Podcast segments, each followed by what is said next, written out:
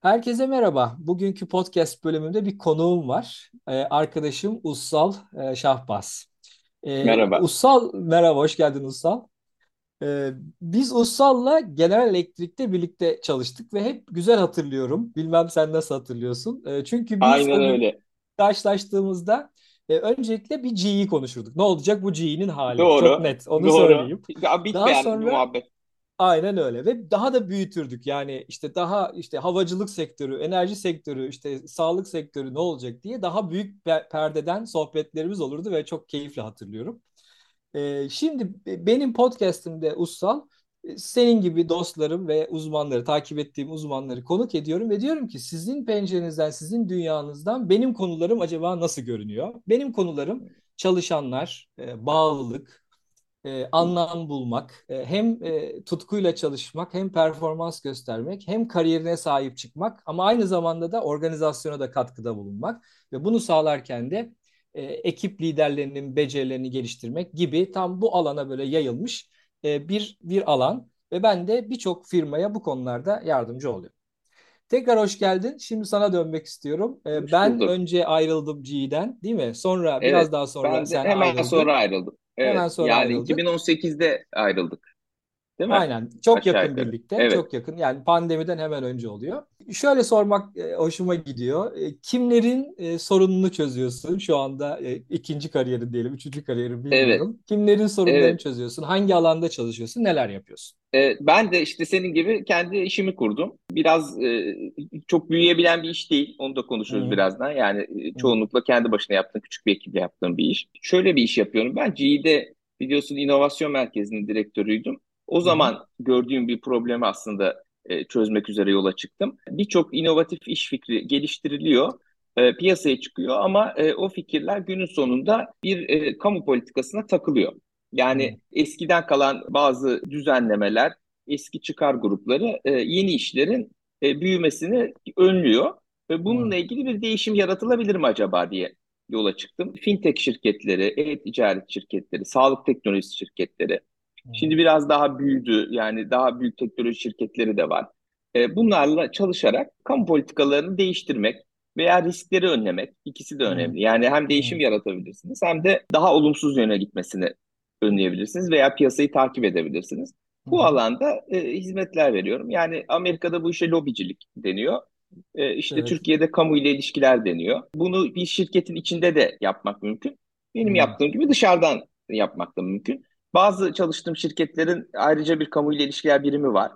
Ben hı. onlara yardım ediyorum. Bazılarında yok. Ben o işi yapıyorum. Bazılarında yoktu. Ben kurulmasına yardım ettim. Oraya eleman bulduk vesaire. Çok güzel, Ee, çok güzel. yani dolayısıyla farklı mimarilerde, farklı boyutlarda şirketlerle çalışma imkanı oluyor. Güzel bir tecrübe. Şimdilik de bayağı şükür iyi gidiyor yani. Ne kadar güzel. Bu aslında şeyi gerektiriyor, doğru mu? Yani gerçekten Türkiye'de, kamuda, Ankara'da e, işler nasıl gider? İşin iç yüzü Tabii, e, ne gösterir? E, sonraki adımlar, sonraki gelişmeler ne bekleniyor gibi çok e, değerli bilgileri aslında tabii. toparlıyorsun veya yaratıyorsun. Onları paylaşıyorsun aslında Tabii, müşterilerine. tabii. O da e, geçmişten gelen tecrübemle tabii ben yıllarca Ankara'da o kurumlarda çalıştığım için hmm, oralardan gelen tecrübem, oralardan kalan e, ilişki sistemi üzerine bina ediyorum ama tabii bu iş bir çift taraflı bir iş. Yani hem Ankara'yı iyi anlamak lazım hem de hmm, müşterinin işini hmm, iyi anlamak lazım. hmm. Çünkü müşterinin işini iyi anlamayınca sadece e, Ankara ile ilgili bilgi vermek bir mana ifade etmiyor. Havada hmm. kalıyor verdiğiniz bilgiler. E, dolayısıyla bir çift taraflı e, anlayış, bir tercüme aslında. Güzel, güzel. Ve çok da aktif içerik yarattığını biliyorum. Tabii ki iki tarafa da dokunduğun için çok böyle Evet. merkezi bir yer aslında. Hayal ettiğim zaman benim yapamayacağım bir şey çok net söyleyeyim. Yani Ee, içerik işi aslında işte bir de haftalık bültenim var. hmm, Ee, işte güzel. gazete yazılarım var. Bir tane podcast e, var şimdi yaz nedeniyle arada. Ee, özellikle yani o bülten e, kısmen gazete yazısı da e, biraz hobi olarak başladı. Hmm, E, ama şimdi iş ciddiye bindi. Yani bayağı disiplinli bir şekilde her hafta güzel. ikisini de e, yapıyorum. O da güzel oluyor. Hem benim için yani keyifli bir şey hem de Hmm, işte okuyanlar oluyor. Oradan işte e, yorumlar geliyor hmm, e, falan. E, güzel de bir şey haline geldi. güzel, E, güzel, mecra haline harika. geldi. Harika. Peki bulunduğun nokta itibariyle çok sayıda sektörün e, trendlerini takip ettiğini ve Evet, hem müşterilerle hem Ankara'yla e, yakın ilişki içinde olduğunu düşünürsek, çalışanları ve işverenleri şu anda etkileyen trendlerden sana göre böyle aklına gelen önemli buldukların neler? Sen nasıl görüyorsun e, benim Tabii, çalıştığım alanı diyelim. tabii. Yani şimdi biz işte 40'lı yaşlardayız. Biraz da onun o perspektifle bakıyoruz herhalde Hmm, hmm, konulara. hmm, Yani bizim zamanımızda bu işler nasıldı biz e, çalışma hayatına başladığımızda? Şimdi nasıl? Bir insan ister istemez bu mukayeseye giriyor. Yani benim gördüğüm şeyler biraz beni korkutuyor açıkçası. hmm. Bir, birkaç tane değişiklik oldu. Tabii en önemlisi bunların bu Covid e, işi Tabii. oldu. Covid çok büyük bir disruption oldu. E, ve e, düşünecek olursan yani böyle bir 3 sene boyunca yeni işe başlayanlar işe başladığı yere gidemedi doğru düzgün. Bence bu çok tuhaf bir olay. E, yani ben kendi başıma böyle bir şey geldiğini düşün, düşünemiyorum, düşünmek de istemiyorum. Ben ilk işime işte rekabet kurumunda başlamıştım. Bir devlet dairesi. 3-4 sene orada bir fiil çalıştım. Sonra Amerika'ya gidene kadar. Ve her gün işte sabah 9'da gidiyorduk. İşte zor oluyordu biraz ama 9, 9 çeyrek, 9.30 falan bir şekilde gidiyorduk. E, akşam da 6'ya kadar oturuyorduk orada. Ve e, yani bence e, şöyle bir güzelliği vardı bunun. E, yani tabii ki orada oturduğun her saat çalışmıyorsun. Zaten o kadar çok iş yok. Olmaması da lazım yani. Olamaz da. Ama orada oturduğun zaman değişik şeyler öğreniyordun. Yani Hmm, hmm, orada dedikodular, gelen giden, işte iş arkadaşların, daha senden e, kıdemli e, uzmanlar vesaire. Sürekli bir öğrenme süreci vardı. De- Değişik hmm. toplantılara gidiyordun falan. Yani bir e, orada adı konulmamış bir öğrenme süreci vardı. Bence bu ortadan kalktı.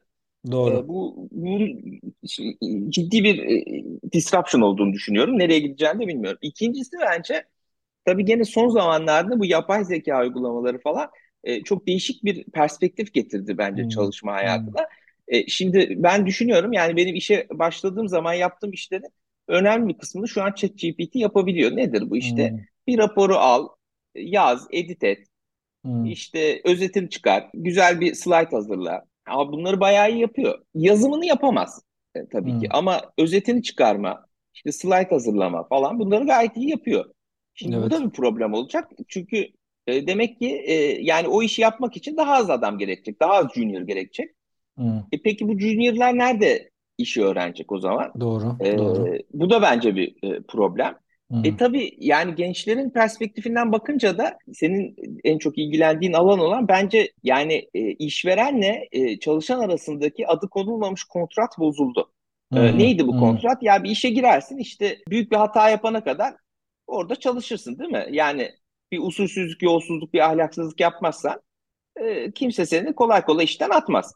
Ve orada Doğru. yükselirsin iyi kötü. E şimdi ne gençlerde öyle bir yerde çalışma hevesi var Hmm, ne de işverenlerin böyle bir gence yatırım yapmak gibi bir lüksü var. Çünkü e, yani hem o yatırımdan karşılığını alabileceğini bilmiyorsun. Çünkü çalışan orada durmayabilir. Değil mi? Evet. E, hem piyasa koşulları çok değişti. Hmm, Yani e, herkes için aynı koşullar geçerli olduğu için rekabette öne çıkmak için tabii ki e, bu yatırımları azaltıyorsun. Ama öte yandan e, biz hani ben mesela devlette öğrendim birçok şeyi. Tabii ki devlet bu yatırımı yapıyor. Niye? Çünkü e, kar amacı gütmüyor. Ama e, her şirkette devlet değil yani. hmm, E, çok ciddi bir bence dolayısıyla yeni iş hayatına girenler arasında bir e, öğrenme ve insan kaynakları sıkıntısı e, baş gösterdiğini düşünüyorum. hmm, Bu hmm. bizi nereye götürecek merak ediyorum açıkçası.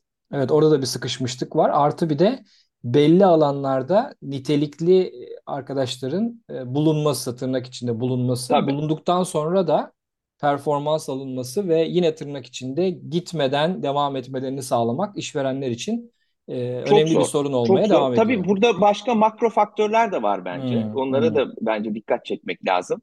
Birincisi bu kira problemi anormal bir boyuta geldi. Yani e, büyük şehirlerde, İstanbul'da, şimdi bakıyorum Ankara'da bile hmm, e, kiralar çok yükselmiş durumda. Şimdi bu tabii yani şu noktaya götürüyor bizi. Senin bir e, yeni çalışmaya başlayan birinde alabileceğin verim belli tabii. ve çok yüksek değil çünkü işi bilmiyor. Hmm, E, ama eğer adamın orada yaşamasını istiyorsan belli bir para ödemen lazım. hmm, O da o parayı zaten ev sahibine ödeyecek. Yani cebine bir hmm, şey kalmayacak. Ama öyle bir para yok. hmm, Yani şirketlerde böyle bir para yok. Niye ödesin? Değil mi? Yani aslında burada şöyle bir ilişki var. Ee, bazı şirketler bazı ev sahiplerini finanse ediyor. Gibi. Hmm. E, gibi. Arada da bir kişi orada çalışıyor. Şimdi bu sistem içinde bence yani bu sistemin de sürdürülebilmesi Hmm. mümkün değil. Hmm. E, kiralar bütün dünyada yükseldi. Bu Türkiye'ye mahsus bir şey değil. Türkiye'de ama bir tık daha fazla yükseldi. Hmm. Bunun nedenleri var. İşte yabancıların Türkiye'ye yoğun ilgisi, e, gayrimenkul satışının serbest olması yabancılara vesaire. Ama böyle bir meseleyle karşı karşıyayız. Yani bunu da unutmamız lazım. Genel olarak hayat pahalılığı da bence bir Hmm. mesele. Hmm. Yani ben düşünüyorum e, gerçekten şu anda yeni çalışan birinin maaşıyla doğru düzgün e, bir gezmek, eğlenmek de mümkün değil. Yok Mümkün yani değil. öyle bir Yok. imkan yok. Her şey çok pahalandı. Bunlar da bence çalışma hayatı açısından büyük sıkıntılar yaratıyor. Peki, doğru. Çok doğru. İçinde olduğumuz ortamı biraz da hani netleştirmiş olduk. Her ne kadar çok iç açıcı olmasa bile. Şimdi bağlılıkla ilgili bu içinde bulunduğumuz ortama bağlı olarak e, tanımların da değişmekte olduğunu görüyoruz. Hı. Benim de geliştirdiğim yani 4 senedir bu işin içindeyim. E, neredeyse dönem dönem güncellediğim yaklaşımlar, tanımlar oldu. Bağlılık bana göre e, kolundan tutup aman burada dur demek değil bir insana. E, bir tarafı Hı. böyle. Öyle algılayanlar var. İkinci olmayan versiyonu bence e, o burada e, uzun süredir çalışıyor demek ki bağlı da doğru değil. Yani e, Hı. işte 7 senedir ortalama Yani çalışıyor olabilir ama aslında çalışmıyordur. Aynen öyle. Aslında çalışmıyor olabilir. Aynen. Evet. Ya biraz bağlılık şöyle. Bu kadar esnek ve bu kadar kaygan bir e, iş hayatında herkesin her an gidebileceği gerçeğini e, masanın üstünde tutarak bakmamız lazım artık bağlılığa bence. İşte uzaktan çalışma dedik farklı şeyler dönüşüyor. Bağlılık yarın gidecek olsan bile biraz e, yani vahşi Hı. sert bir tanım ama yarın gidecek olsan bile o gün elinden gelenin en iyisini tutkuyla yüksek performansa yapabilmek bence. Ve bu, buraya doğru eğer e, iş sahipleri düşünürlerse ha tamam yani sürekli değişken bir e, çalışan gücüm var. E, sürekli onun değişmesiyle ilgili planlama yapıyorum. Ama var olanların en iyi performanslarını almak için acaba burada nasıl bir ortam olmalı? Nasıl bir düzen olmalı? E, hatırlıyorum seninle bunu e, G içinde çok konuşmuştuk bütün e, ilişkiler babında. Ya sen burayı nasıl görüyorsun? Biraz merak ettiğim için soruyorum. Yani tabii şimdi bu senin söylediğin biraz e, sinik bir yaklaşım. Yani artık Peki. yapacak bir şey yok. Bari elimizdeki imkanlardan en çok faydalanalım. Bilmiyorum yani belki de öyle düşünmek Hı hı. lazım. Çünkü yani vakayla kavga edilmez değil mi? Yani hı. gerçekleri değiştiremeyiz. Bir iki şey ilave edeceğim. Hı hı. Bir tanesi bence şu olabilir işverenler açısından.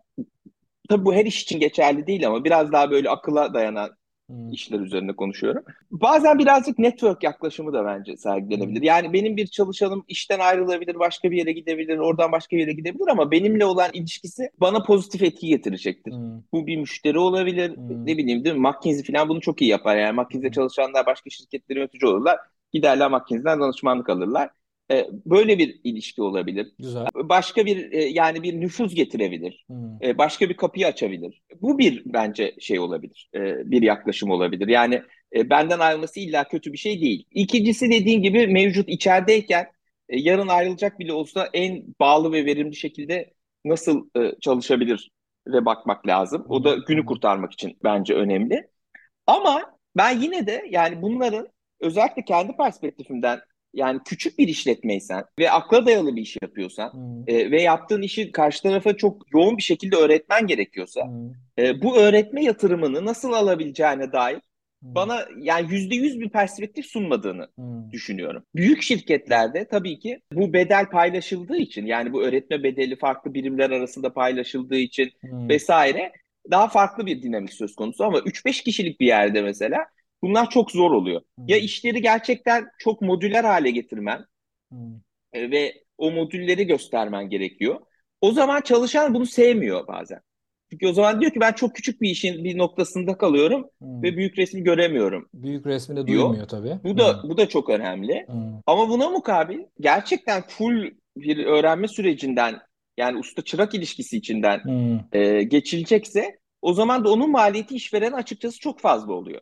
Yani hı. maaş maliyetinden bahsetmiyorum. O da var da zaman maliyetinden bahsediyorum. Zaman öğrenme ve dediğin Evet. gibi belli bir E, seviyeye gelinceye kadarki dönem. Hı Evet. Dolayısıyla yani burada çok büyük bir şey var. Ee, çelişki var ve ben bunu nasıl çözülebileceğini bilmiyorum. Gittikçe bu yapay zeka araçlarının falan daha çok tercih edilmesi bir nedeni bence bu. E, çünkü yani zaman olarak da duygusal olarak da yapay zeka ile bir yatırım içine girmiyorsun değil mi? Hmm. Dolayısıyla yani Aynen öyle. tatile de gitmiyor. Seni bırakıp da gitmiyor. Hastalanmıyor da. E, bence çok e, yani orada gençler açısından bir sıkıntı var ve nasıl çözülebileceğini bilmiyorum. Hmm.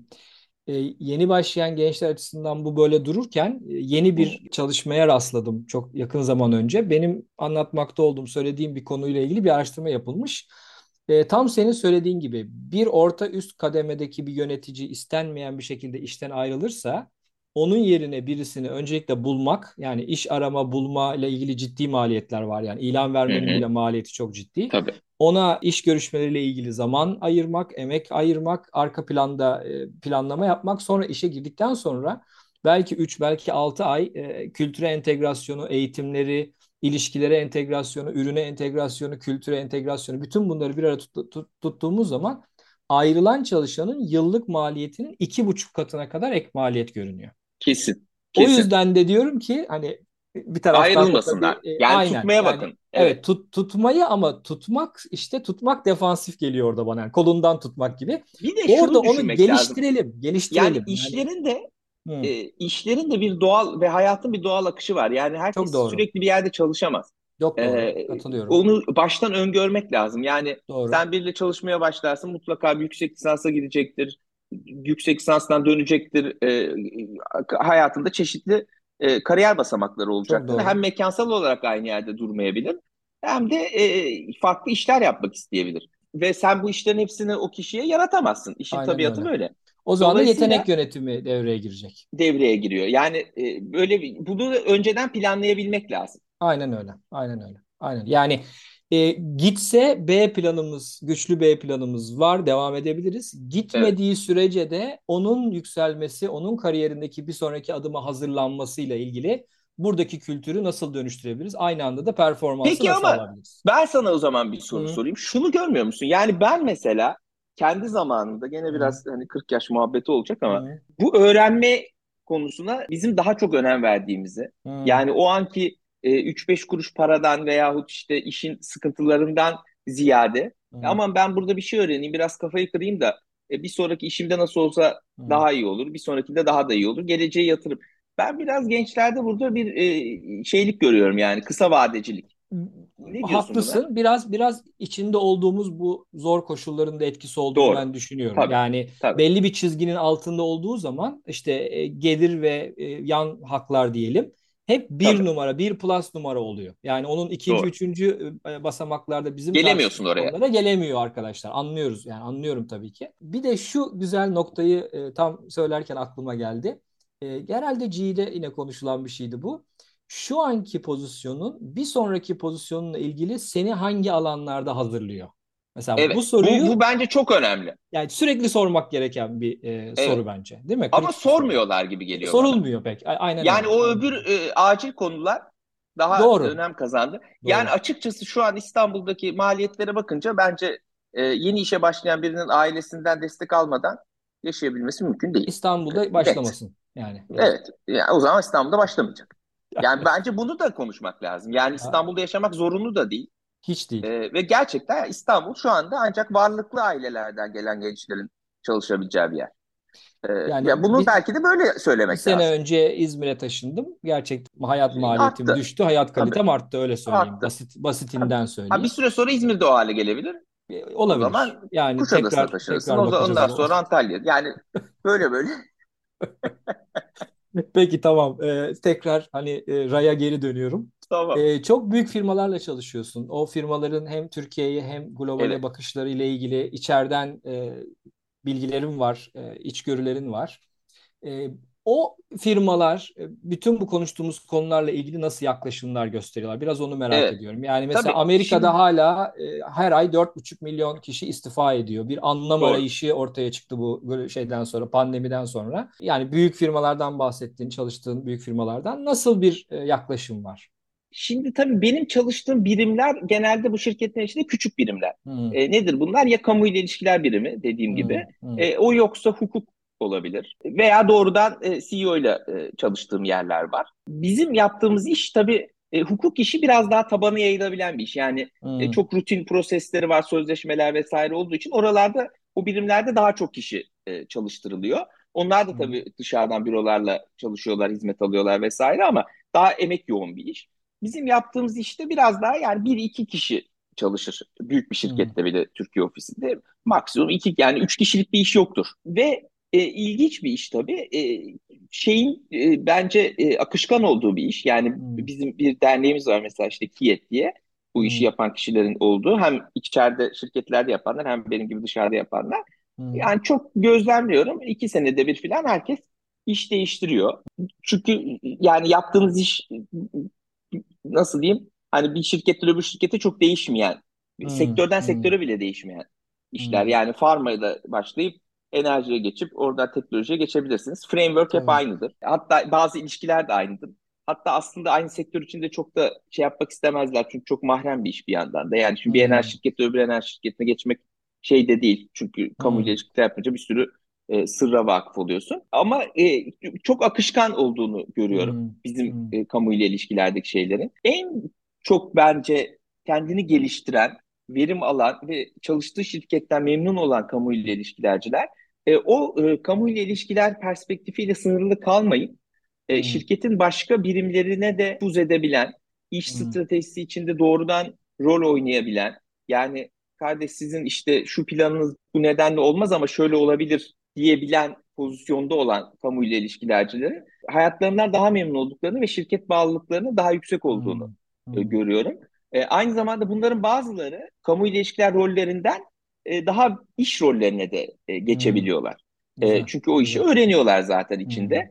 Ki zaten biz artık yani özellikle Amerika'daki şirketlerde filan da C-level'da kamu ile ilişkiler tecrübesinin çok önemli olduğunu hmm. e, görüyoruz. Yani bunu bilmeyen bir adam işini yönetemiyor. Çünkü mutlaka hmm. gidip bir yerde bir e, kamu işine tosluyorsun. Dolayısıyla e, bu geçişkenlik de bence yani e, şirketlerin mesela bu rolü bir yan rol olarak görmeyip bir ana rol olarak e, doğrudan işinin içinde bir yerlere konumlandırması çok önemli. Mutlaka başka roller için de geçerlidir. Hmm. Ben kendi bildiğimi söylüyorum. Bu da çalışan bağlılığını arttıran bir şey. Ama eğer bir şirket onu daha ziyade böyle bir iş takipçisi anlatabiliyor hmm. muyum? Hani bir iş düşünce yapılacak e, şeyleri hmm. gönderen bir pozisyonda konumlandırıyorsa o kişinin tabii ki e, şirketler arasında akışkanlığı da artıyor. Artıyor tabii. Yani değer verilmek biraz da hani konumlamak biraz ve değer, değer. Yani o da bir değer. O da hmm. bir değer. Onu da çok iyi yapabilirsin ama o zaman şirketin içinde olmuyorsun o kadar. Hmm. O bence hmm. önemli bir şey. Peki e, biraz önce konuştuğumuz konuyla ilgili bir e, yine e, ara bir perspektif var. Onunla ilgili biraz daha sohbet edelim. Yavaş yavaş kapatabiliriz. Tamam. Şimdi dedik ya insanların başka yere gitmesiyle ilgili bu konunun hemen hayatlarında en üste gelmesi bu e, gelirler ve yanaklara çok bağlı görünüyor şu evet. anki dünya evet. içerisinde. Evet. Ama bir de onun her şey para oldu. Biraz öyle oldu. Ne yazık ki yani hani benim evet. açımdan e, olumsuz bir tablo tabii ama. Evet. Ama bir de öyle. onun ötesi var. Yani bir taraftan da bir taraf bu onu görüyoruz ve yaşıyoruz. Yani hepimiz yaşıyoruz. Bir taraftan da şu var. Benzer durumda sadece maaş artışıyla da e, insanlar bir yerde kalmıyorlar, kalmak istemiyorlar. Öyle e, mi? Acaba öyle. Yani onu sen biliyorsun. Öyle, ha. Ben öyle görüyorum. Çok net onu öyle görüyorum. Ha. Yani çok net görüyorum. Çünkü e, iş sahibinin olsun, ekip ya Çünkü şöyledir ya hep hepimiz Hı. işte kurumsal şirketler çalıştık. Abi dersi ben ayrılacağım. Ayrılacağım dediğin an bir zam yaparlar. Aa, bir iki sene daha kalırsın. E, evet ama işte o da Ben ayrılacağım, iş buldum. Aha bir zam kadar. daha. Ama o zammı da yani benim en sinir olduğum şey o. O zammı Madem zam yapacaksın önceden yap ya. Niye çok doğru, böyle çok tehdit edici? Çok, çok bence ahlaksızca bir şey bu yani. O noktaya gelmemesi benim e, evet. peşinde koştuğum yer aslında. Öyle bir düzen olması evet. açısından. Evet. Yani şuraya gelmek istiyorum.